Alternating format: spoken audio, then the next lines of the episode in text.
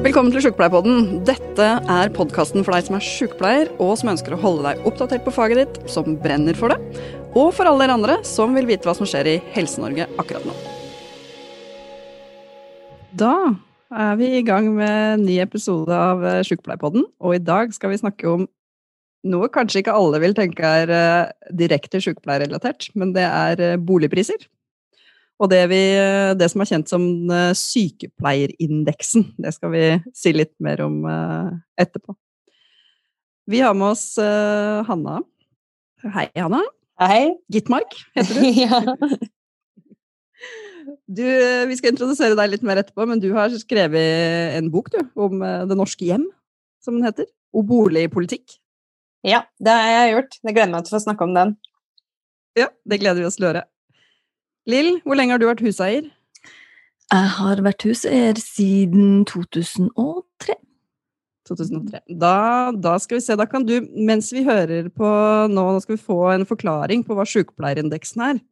Av uh, han som er administrerende direktør i Eiendom Norge. Han heter Henning Lauritzen. Jeg snakka med han i stad. Men imens så skal Lill få lov til å regne på hvor mye mange penger hun har tjent på å eie bolig siden 2003. du, du, Silje, jeg må si en ting. for Jeg la ut på Instagram her i stedet om at vi skulle spille inn den podkasten her. da. Eh, og hvor mange som kjenner til uh, sykepleierindeksen. Og vi har allerede fått 67% sier nei. Så jeg tenker denne uh, podkasten er en viktig læring, så jeg gleder meg til å høre, høre fra Henning. her. Ja, Så bra. Men da hører vi først på, først på Henning. Hjertelig velkommen, eh, Henning Lauritzen. Du er administrerende direktør i Eiendom Norge. Tusen takk, det stemmer. Og det er dere som står bak den eh, såkalte sykepleierindeksen. Hva er det for noe? Ja, Det er ikke vi som fant den opp, det er en som heter Anders Lund i Eiendomsverdi som, som kom på dette. Men uh, sykepleierindeksen den har jo egentlig til hensikt å på en ganske enkel måte måle om bolig er dyrt i Norge.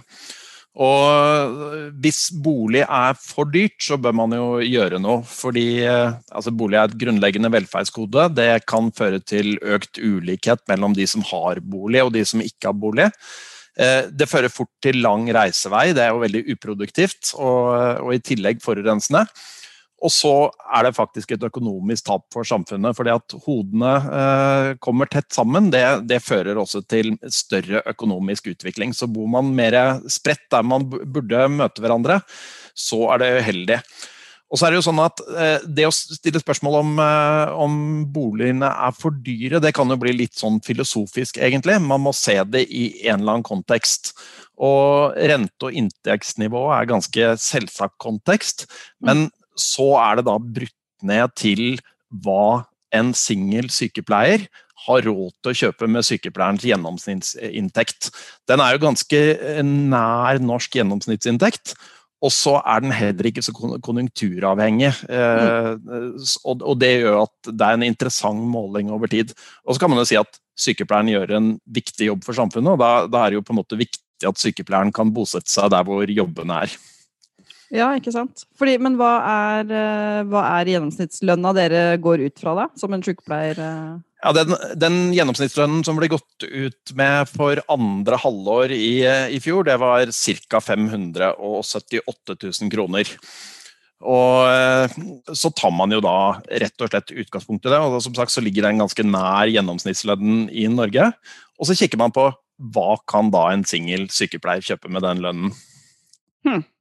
Ja, for å si det sånn. Jeg var, eh, nei, jeg var jo riktignok ikke singel, men eh, når jeg var nyutdanna sykepleier i Oslo for eh, 12-13 år siden, så eh, var det jo ikke sjans i havet. De fleste av oss bodde vel i kollektiv eh, ganske lenge, rett og slett.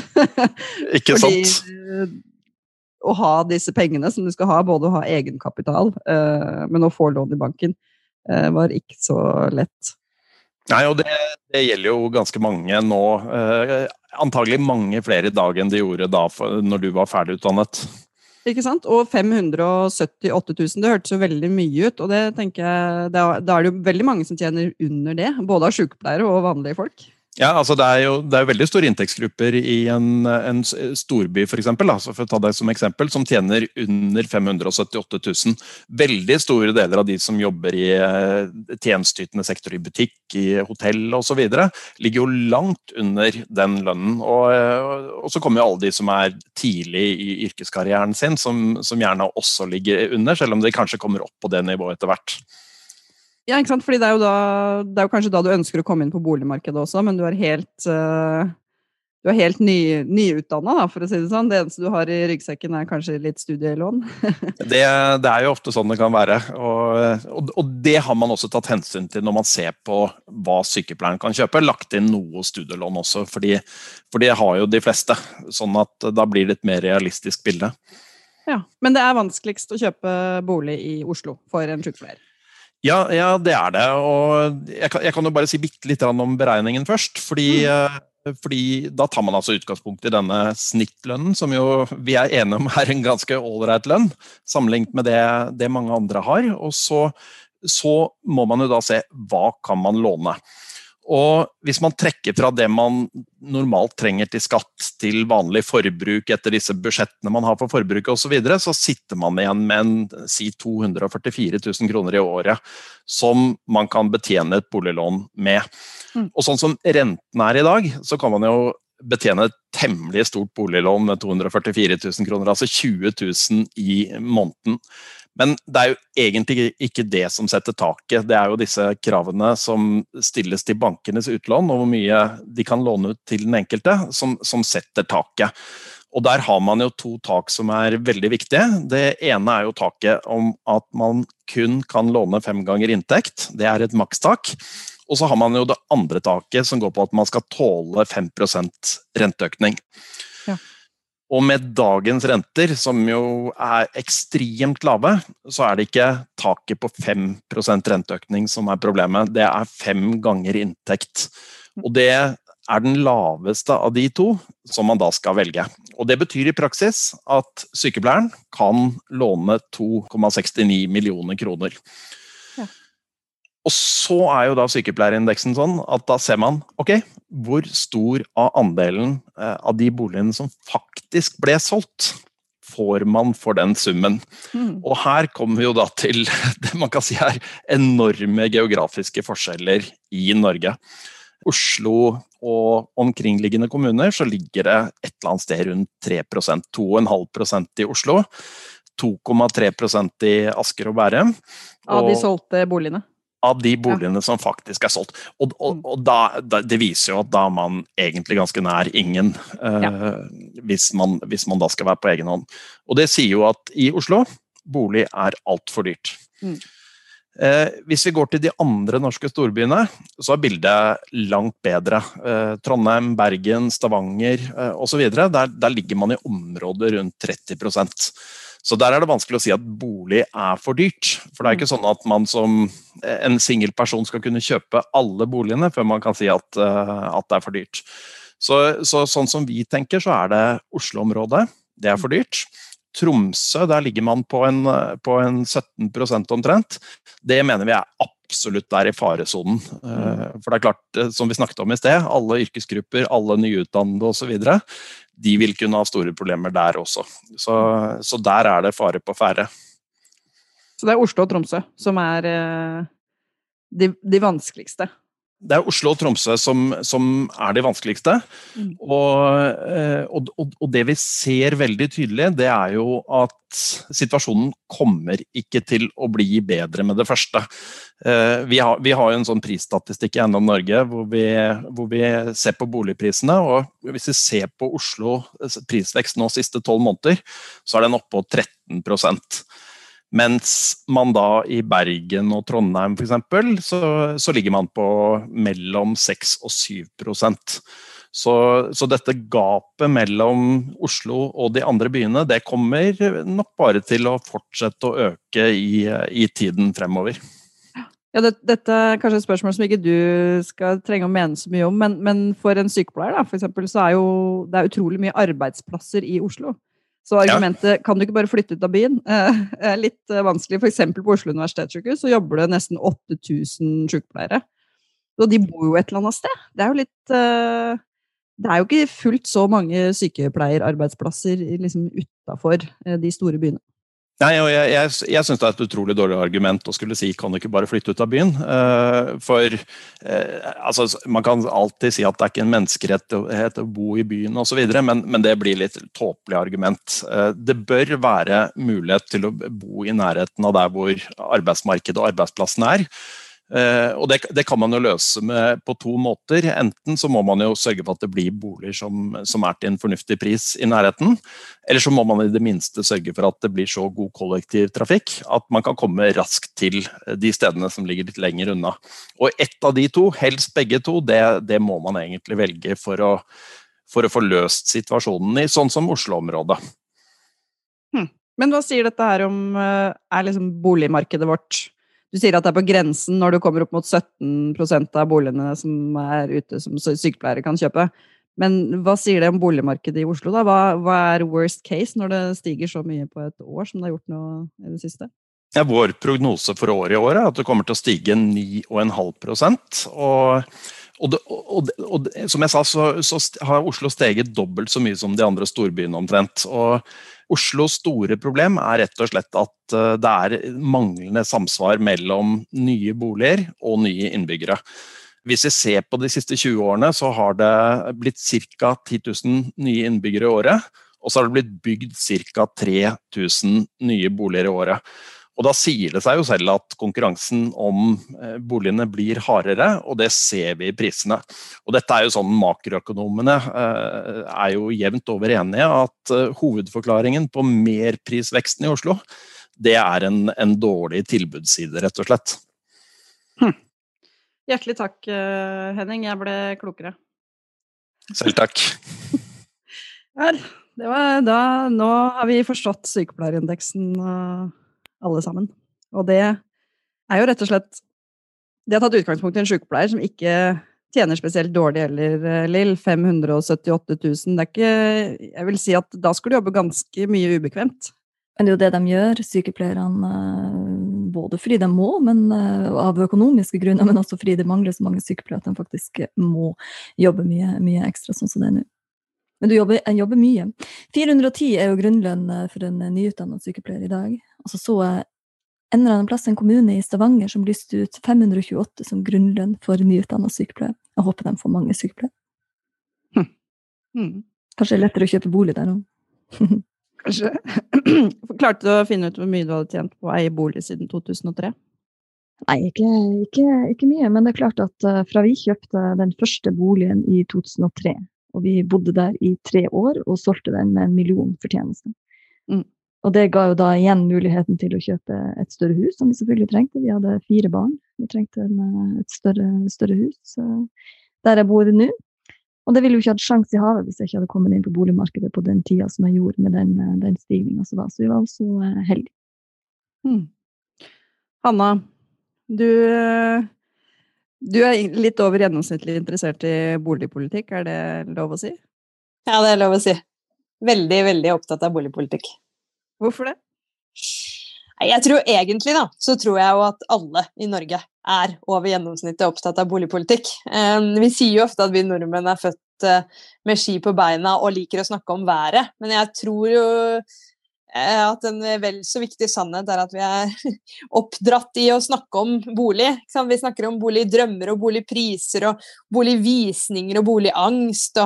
Så vi snakker, hvis vi sitter og gjorde det eksperimentet noen ganger mens jeg skrev den boka du introduserte i stad, satt på trikken og prøvde å høre på samtalene, og hver eneste gang så hørte jeg noen snakke om boligmarkedet. Om at de var, var i ferd med å selge en bolig eller ønska seg noe større, eller visste ikke om de hadde råd til å bli boende her i Oslo, da, hvor jeg bor og fulgte med på trikken, hvis de hadde lyst på noe større. Så jeg, jeg tror nok at vi alle er opptatt av det. Jeg husker også Da jeg skrev den boka, så googla jeg litt rundt liksom, hva vi ser på TV og sånn, og vi ser jo også vanvittig mye på boligprogrammer. Så når vi er ferdig med å snakke om bolig, så går vi hjem og ser på oppussingsprogrammer og boligsalgsprogrammer. Og. Så det er ikke bare meg, selv om jeg kanskje er hakket enda mer opptatt enn en de som er mye opptatt, da. Ja, det er liksom litt sånn kulturelt, nærmest. For det er jo mange andre land som har bare gått til Sverige, der er det mye mer vanlig å leie. Ja. Uh, her er det å eie som på mange måter er uh, standarden. Men, men tror du det er litt med det å komme inn som jeg sier, det å komme inn i et boligmarked på et Mm. tidlig tidspunkt, så du får den verdistigninga som, som har vært gjennom i alle fall to tiår, kan- to og et halvt i alle fall. En enorm verdistigning av boligene, og dermed en investering. Mm. Mm.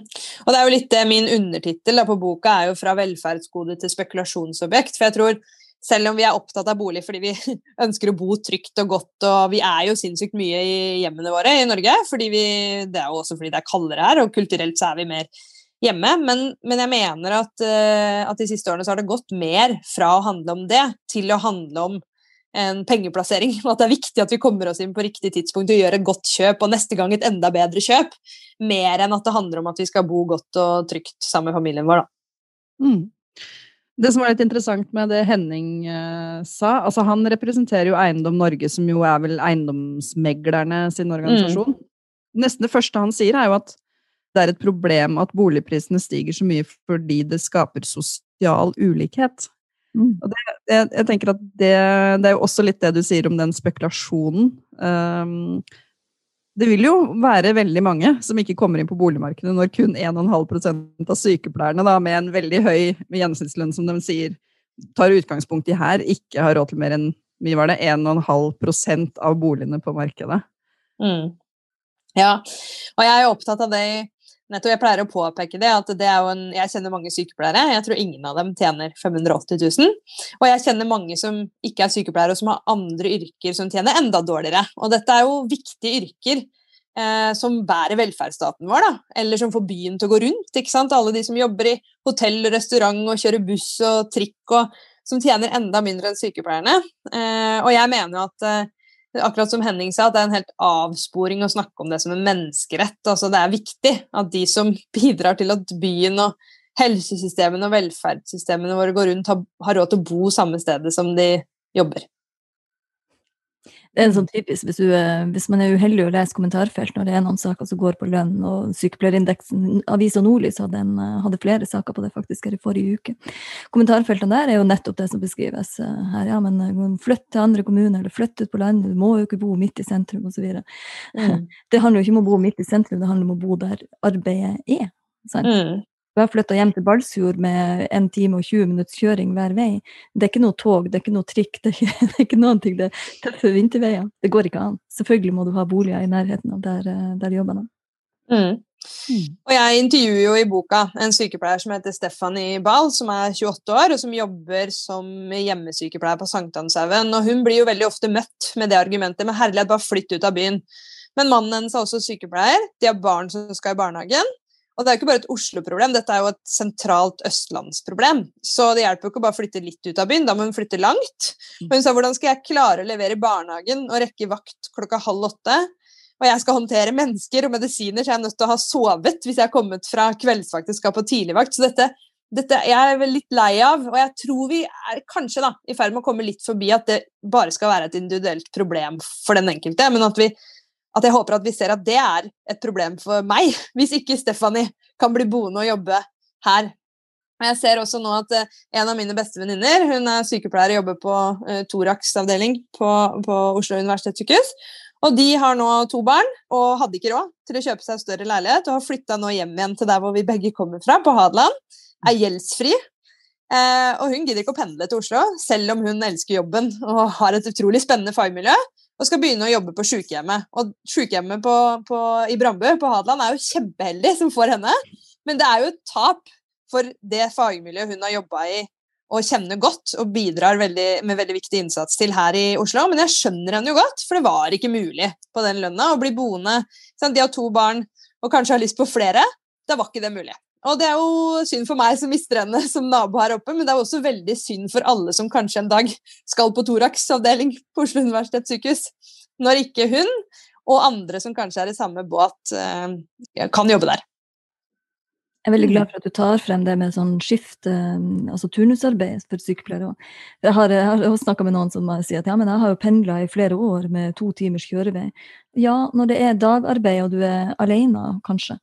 Eh, Mm. Så klarer du det en viss periode, men med barn og barnehage, som du sier, og at du jobber både dag, natt og aften og i skiftende eh, Hvordan skulle du gjort det når du er ferdig klokka 23 på jobb, og så skal du på jobb igjen klokka 7? 7.30?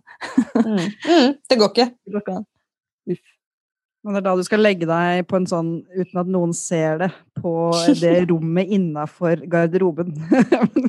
det er det òg noen som gjør for å liksom få noen timers søvn før dagvakta Mm. starter. Igjen, da er ikke lønna god nok, for da er du egentlig bakvakt i tillegg. På, Ja, ikke sant? Nei, og så tenker jeg, Dere nevnte jo også hva gjør alle de mange tusen som jobber da, her i Oslo eh, og Oslo universitetssykehus. Ja, de er da henvist til leiemarkedet.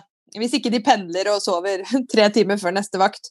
Og leiemarkedet i, i hele Norge er dårlig. Det er uprofesjonelt og dårlig regulert og kjempedyrt. Det er mye dyrere å leie enn det er å eie. Mm. Um, og sånn som Stephanie Bahl, som jeg intervjuer da, sier at hun har jo ikke lyst til det. Hun har ikke lyst til å bli boende i et sånt leiemarked, også fordi hun stadig vekk må flytte. Og med barn så har hun ikke lyst til det. De skal jo vokse opp og gå, få gå flere år i samme barnehage og på samme skole.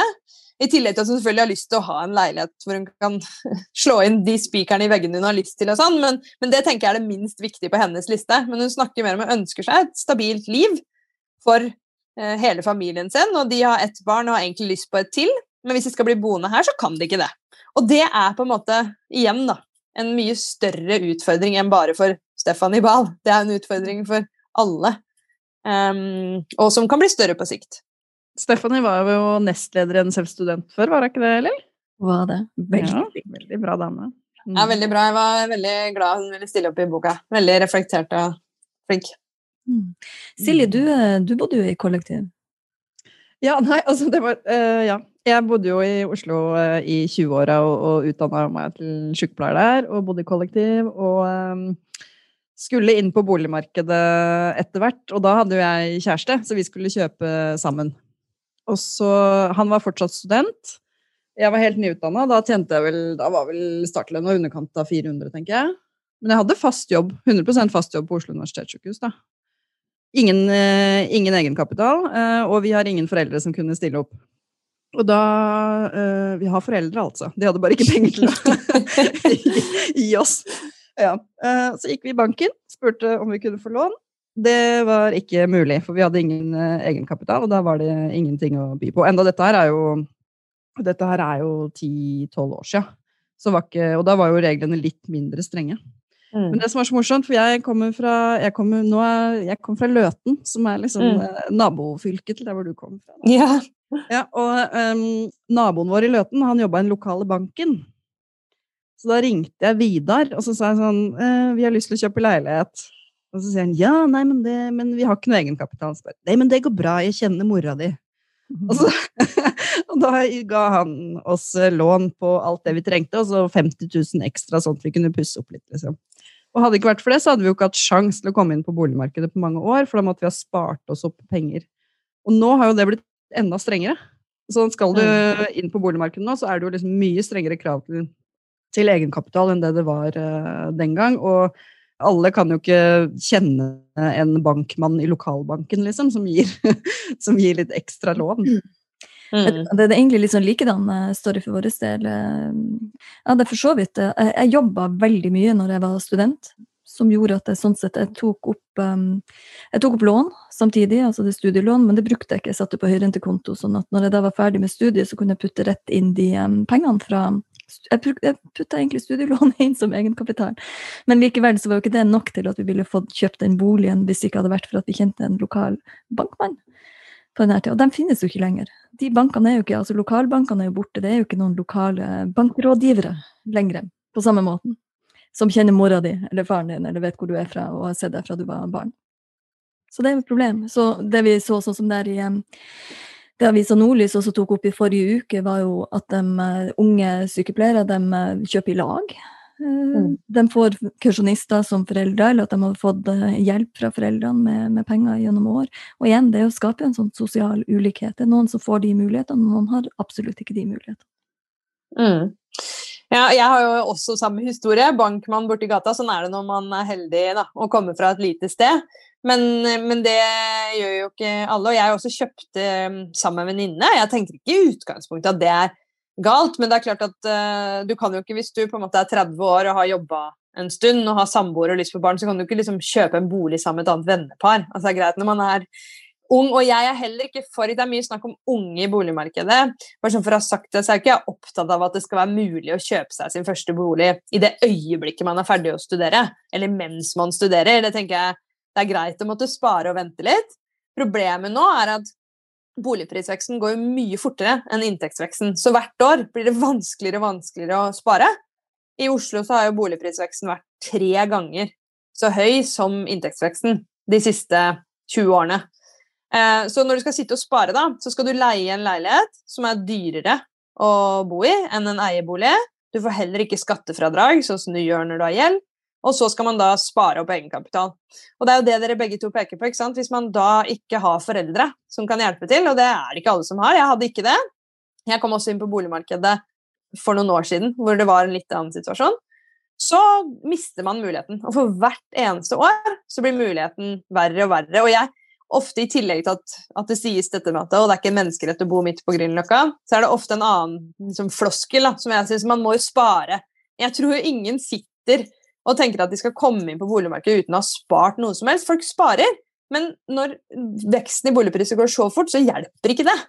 Um, og da, Det er mange undersøkelser som har vist at du skal, selv om du på en måte begrenser forbruket til et som under SIFOs referansebudsjett, da de lager jo sånne budsjett som sier du kan klare deg på så og så mye, så mye til melk og brød og sånn, så er det likevel Du, du, når, du har ikke sjans, selv om du sparer alt utover liksom det helt basale. Så det er det, det, er ikke bare å spare.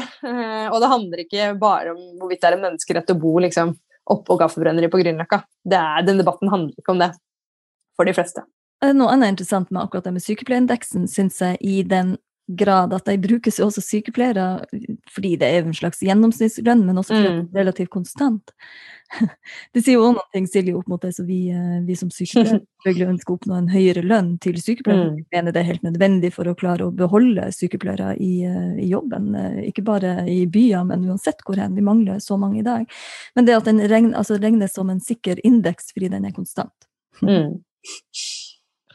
Ja, det er sant. Det, mm. Ikke sant? Og i fjor var vel um, Lønnsoppgjøret i fjor var vel 2,2 da, og så, og så, sa Henning at det var 9% nei, 13% boligvekst i Oslo i fjor, og, og forventa mm. 9% i år. Det er klart, mm. det er, det er, ganske stor, som du sier, Han har ganske stor mm. diskrepans mellom mm. lønnsveksten og, og bolig, boligprisene. Mm. Så de heldige da, som er på boligmarkedet, de blir jo millionærer. ikke sant? Når vi da kom oss inn på boligmarkedet i Oslo, han lokale bankmannen som kjente mora mi, han gjorde jo noe veldig lurt, fordi at eh, vi kom oss inn på boligmarkedet i Oslo, kjøpte leilighet på Grünerløkka, solgte tre år seinere og tjente 1,5 million. Altså, ikke sant? Det, mm. det, jeg tjente mer på å eie den boligen i tre år eh, sammen med Andreas enn jeg gjorde på å jobbe i tre år mm. samtidig. Ja, og det, jeg har jo vært opptatt av det, for i Norge er vi jo veldig veldig opptatt av arbeidslinja. ikke sant? Det, det må ikke lønne seg altså Det eneste som må lønne seg, er å jobbe, og derfor er vi opptatt av at alle andre ordninger skal være eh, altså gode nok til at du skal kunne liksom ha det greit, men de må ikke for all del ikke være for gode, fordi da reduseres insentivet ditt til å jobbe. Så vi er veldig veldig opptatt av det. Men på dette området, jeg har også opplevd det, at jeg har tjent mer penger på å sove i min egen seng enn jeg har gjort på jobben, hvor jeg faktisk har lagt ned en innsats. Eh, og jeg har tjent mange millioner allerede på boligmarkedet. Altså, det er jo helt vanvittig. Eh, og de som kjøpte bolig samtidig som meg, da, på Hadeland, deres bolig er verdt omtrent det samme som var da jeg kjøpte bolig i Oslo, som da de kjøpte bolig. Og det er klart For meg er jo disse pengene bare litt sånn tullepenger. Jeg vil jo aldri se dem helt til eh, helt til den dagen jeg finner ut, sånn som venninnen min, da, eh, Cecilie, som nå flytter hjem, at ok, jeg kan faktisk cashe ut dette, flytte hjem, eh, reise på lange ferier og gjøre det jeg har lyst til, og kanskje nesten ikke jobbe mer eh, fordi jeg har tjent så mye penger i boligmarkedet. Og det skaper jo også en enorm sånn by-land-forskjell.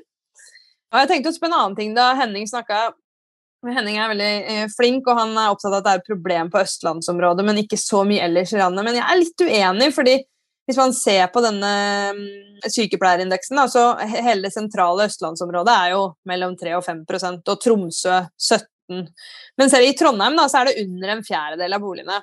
Og når man legger til grunn en sykepleierlønn, som er da en gjennomsnittlig sykepleierlønn, så, så, mener jeg at det er et problem når man ikke har råd til mer enn en fjerdedel av boligene. For med alle de andre som, som skal kjøpe 75% av boligene, eh, når det er helt vanlige folk bare kan kjøpe en fjerdedel, så er det selvfølgelig et mye mindre problem da, enn det er i Oslo. Men jeg, jeg syns ikke det er en, en sunn og positiv utvikling andre steder i landet eh, heller. Ja, det er et poeng. Og så er det jo, det er jo litt irriterende når det blir løfta frem, som du sa helt i begynnelsen, 580 000. Altså, hvem er det som tjener ja. det? Når du holder på å jobbe deg i hjel, mm. da kan du tjene 580 000. Det er jo ikke det som er lønna til en vanlig sykepleier. det er jo ikke det. Nei. Og en annen ting med, er jo også det med, med, med det klasseskillet som arves. Mm. Fordi når vi da først kommer inn i et boligmarked, så gir det også, som du sier, du kan cashe inn de pengene og kjøpe deg en bolig på landet og leve godt på det. Eller du kan eh, være kursjonist for barna dine, eller på annet mm. vis cashe det ut som, som, til eh, pensjon, eller hva det enn måtte være. Mens sykepleiere som hvis du da leier i tillegg, eh, og du har kanskje ikke råd da til å sette av barnetrygda som at det skal være til barnet ditt når de blir 18-20 år og flytter ut og da skal kjøpe seg bolig. Så det er en sånn det går i arv. Det klasseskillet. Mm. Når du ikke kommer deg inn i et boligmarked, så går det i arv gjennom, eh, gjennom mange, mange år. Mm, og det viser jo også flere studier. Eh, blant annet en studie som en som heter Terje Wessel har gjort på Universitetet i Oslo. Han så på besteforeldrene dines posisjon i boligmarkedet på 60-tallet. Det har noe å si for sjansene dine til å eie bolig sentralt i dag. Og de som hadde besteforeldre som eide bolig i Oslo på 60-tallet, har mer i formue i dag enn de som ikke hadde. Og i tillegg så ser vi at forskjellen i boligformue øker, og jeg tror mange er bekymra for, for, barna sine. Og jeg mener ikke at, at alle skal trenge å bo i Oslo, og jeg mener ikke at vi ikke skal ha kompetent arbeidskraft på sykehjem på Hadeland, men jeg mener at det må være eh, Vi ønsker jo, da, som ellers i politikken, at man skal kunne leve det livet man ønsker seg, uavhengig av hvem foreldrene dine er, eller uavhengig av hvor du er født og vokst opp. Og det mener jeg bør være et mål også for boligpolitikken. Og sånn som du sier, så har jeg også vært spesielt kritisk til at, at de som eier bolig i dag, de får jo store skattefradrag da, for, fra staten. Og det er jo det som også gjør at nå under koronakrisen, vi som eier bolig, og som har fast jobb, vi kommer jo bedre ut enn før. Og som har sluppet å jobbe masse ekstra under koronakrisen fordi vi har fått lavere rente. Og vi i staten bruker altså 40-50 milliarder på å dele ut rentefradrag. Eh, og det er jo til folk som allerede er i boligmarkedet. Og jo større bolig du har, jo dyrere bolig du har, jo mer får du rentefradrag. Mens de da som står utenfor boligmarkedet, da, de bidrar inn til skattesystemet ved å betale skatt på inntekten sin, men de får ingenting igjen. For det finnes ingen lignende sånne ordninger til de som leier. Så, så jeg syns det er veldig sånn paradoks, fordi de fleste, selv om det er store forskjeller da, på venstre- og høyresiden, så er de fleste enige om at skattesystemet for skal være omfordelende. Men her er det stikk motsatt. Og det er altså så Jeg har liksom kalt det omvendt Robin Hood-politikk, for det er, det er utrolig skjevt og urettferdig. Og da er det til å bli eitrende som vi da kommer i en eh, pandemisituasjon sånn som nå. Ja. Og så blir det en diskusjon om, eh, om det er moralsk begrunna at det er mer smitte på mm, østre del av Oslo, f.eks. Når man da vet noen ting om hvordan boligene er, og hvor mange som bor mm. i boligene, og hva slags type arbeid eh, mm. de personene har. Mm. Da er den en manglende forståelse hos um, oss folk. Ja, jeg er helt enig. Jeg også blir utrolig provosert. Her hvor jeg bor, da, jeg bor rett ved Ullevål stadion, oppover Jeg bor ikke i så stort hus, men oppover her er det jo noen som bor aleine i villaer på 300 kvadratmeter. Da er det lett å holde seg unna andre og ikke bli smitta. Når du deler en leilighet med, kanskje med fire søsken og to soverom, så er det vanskeligere. Så jeg syns det jeg også blir utrolig det å holde avstand til eh, bestemor når bestemor faktisk spiser middag med deg hver dag og, og bor i samme bolig. Nei. Nei. det går ikke. Sosial ulikhet eh, er jo nært knytta til, eh, til, til, bolig, og dermed også til mm. indeksen som sådan. Mm. Ja, det er det. Så, så, dette er liksom et grunnleggende stort problem. Og den norske boligpolitikken jeg har jo sett på det litt historisk. Grunnen til at vi er så opptatt av dette med eierlinja, og også bruker da statlige midler da, på å subsidiere de som er i boligmarkedet, er jo fordi vi tenkte etter krigen at bolig var et helt sentralt velferdsgode på linje med helse og utdanning. Og at uh, det var en offentlig oppgave å legge til rette for at folk skulle kunne bo godt. Men da var det jo ingen som eide sin egen bolig, nesten. Og man, man bygde ut dette systemet med sånn mye subsidiering gjennom Husbanken og kommunal tomtepolitikk og satsa på boligbyggelag og sånn. Og så fjerna man etter hvert alle disse ordningene, og så er det som er igjen, er denne subsidiene av de som eier. Og det funker jo ikke så godt når man ikke samtidig har noen mekanismer som kan hjelpe flere inn på markedet. For nå, vi som er her, vi ønsker jo egentlig bare at det skal fortsette å gå oppover. For man føler seg litt rikere for hver dag da, når boligen blir mer verdt. Men selv om det heller ikke er så bra for oss, vi hadde jo et stort boligkrakk på slutten av 80-tallet. og Nordmenn har jo enormt høy gjeld. Det er jo ikke egentlig vi som eier disse boligene. Så for oss på sikt er det jo heller ikke bra. Men det føles bra da, når prisene går oppover. Og, og vi ser det jo nå under koronakrisen. Ikke sant? Boligmarkedet har jo fortsatt bare gått oppover. Og det er jo fordi at de som, eh, de som har mista jobben, eller eh, har lav inntekt og ikke var i boligmarkedet, de har jo nå mindre mulighet, men de var aldri i boligmarkedet. Mens vi som var, er i boligmarkedet, vi har fått lavere rente og hatt mulighet til å presse prisene enda mer opp. Så det er liksom ekstremt skeivt. Ikke noe bra samfunnsøkonomisk heller at vi putter alle pengene våre i bolig. Før så var det jo, og det er kanskje noen sykehus som har det sånn fortsatt, men før var det jo ganske vanlig at sykehusene eide leiligheter til de ansatte. På, på Ullevål for eksempel, så er det jo flere blokker som bare kalles søsterblokkene. Mm. For der bodde sykepleierne. Da. Og det er jo de siste ti årene kanskje at de har blitt solgt unna.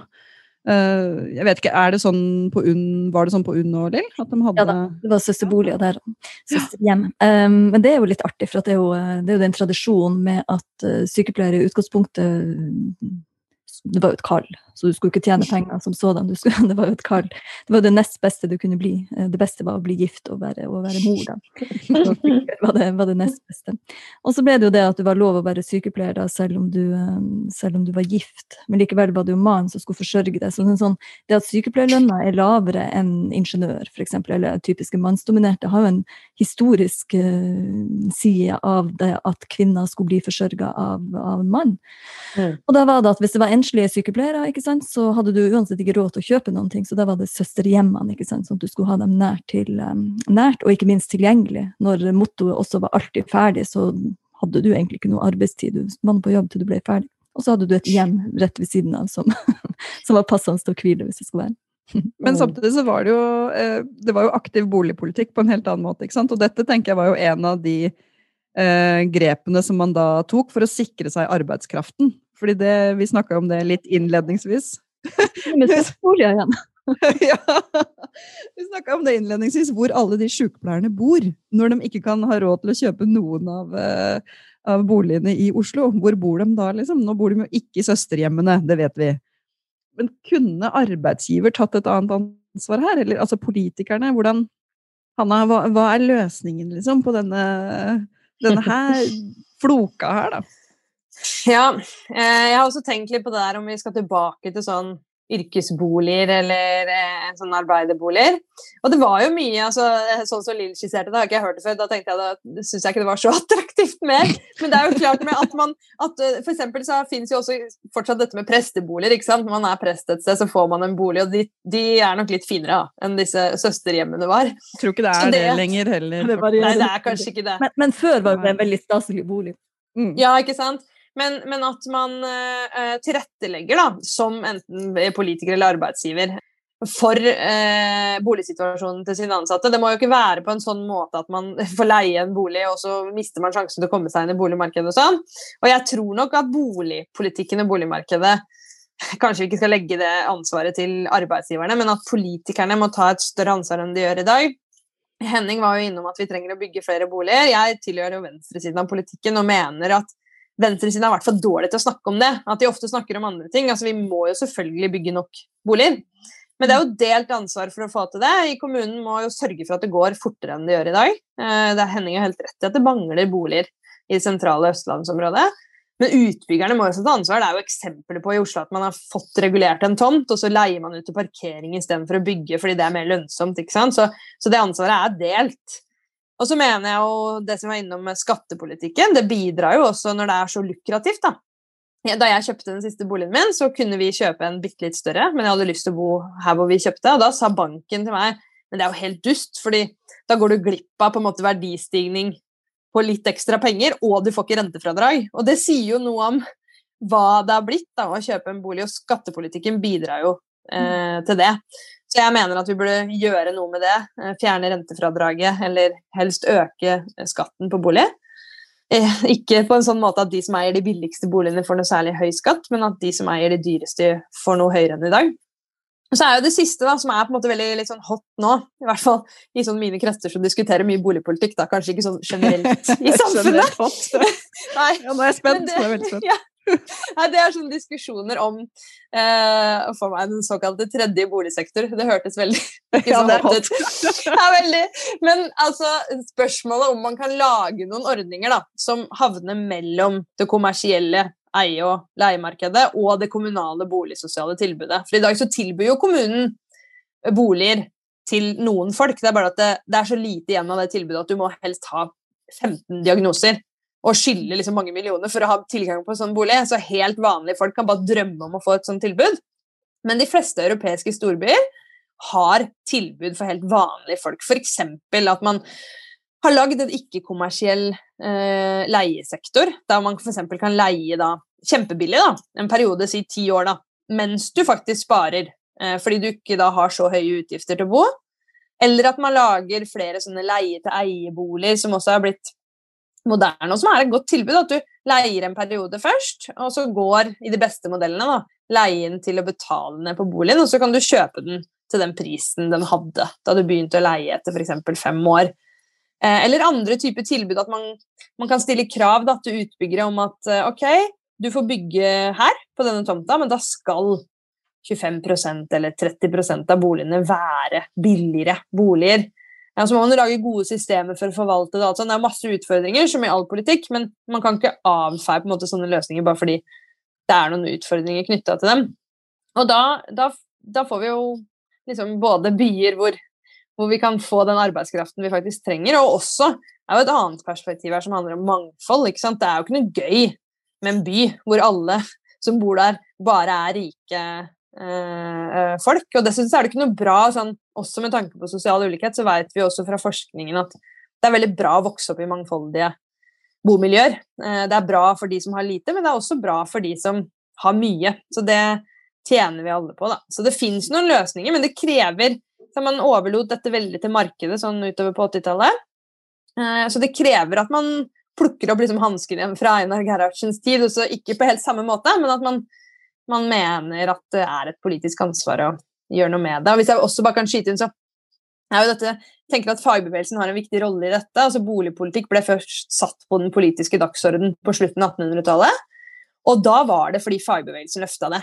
Arbeiderbevegelsen begynte å komme inn i politikken, og de løfta boligpolitikk som en kjempeviktig sak. Rett og slett fordi folk trengte bedre steder å bo, men fordi det også hadde sammenheng med at, at man skulle ha gode jobb. Altså Hvis man skulle kunne fungere godt i jobben sin, så måtte man også eh, bo godt. Så jeg mener at fagbevegelsen nå trenger også å løfte den saken, og også fordi medlemmene er opptatt av det. da. Jeg er veldig glad du sier det, for det er jo egentlig akkurat det vi gjør her. og jeg vil mm. tro at så når, sånn som på vår Instagram, eh, Silje her, da, når det er så få som vet om hva en sykepleierindeks er, så vil de sannsynligvis også lure på hvorfor har vi en eh, podkast om sykepleierindeks.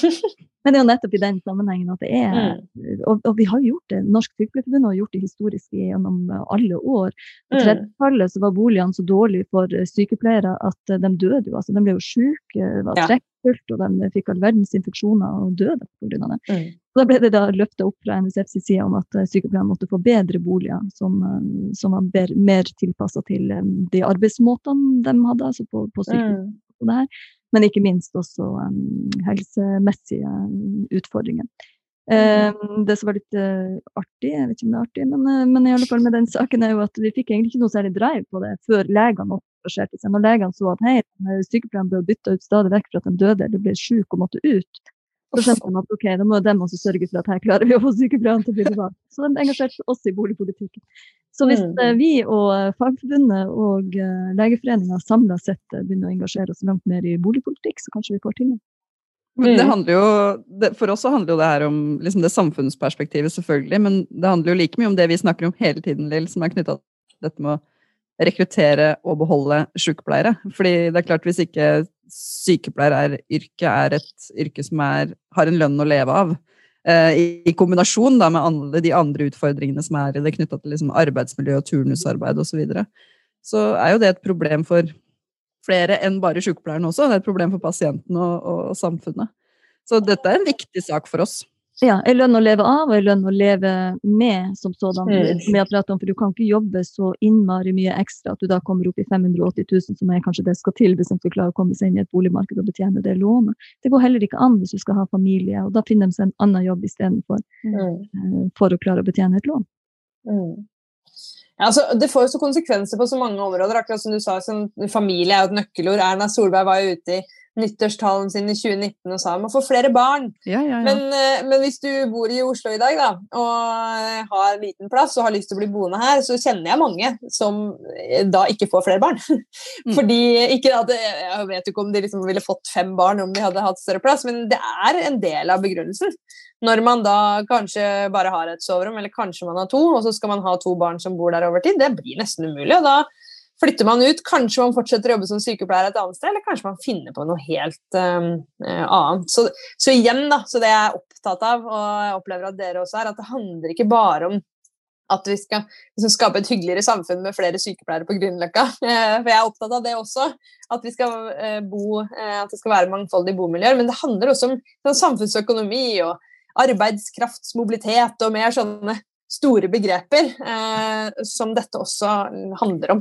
Når det er sagt, så trenger vi jo veldig mange sykepleiere også i nord, og det er veldig fint i Tromsø og i Balsfjord, så vær velkommen alle som har lyst til å teste ut hvordan det er å jobbe andre plasser enn på Grünerløkka. Men det kan jo hende at det får noen konsekvenser for OUS og Ahus og Rikshospitalet og spesialistfunksjoner som man har eh, Mm. i en storby. Mm. Ja, og så er det jo litt sånn, Siden du nevnte Tromsø, da, så er jo det faktisk et av stedene hvor det også er ganske vanskelig. 17,3 av boligene har en sykepleier da, med 580 000 råd til.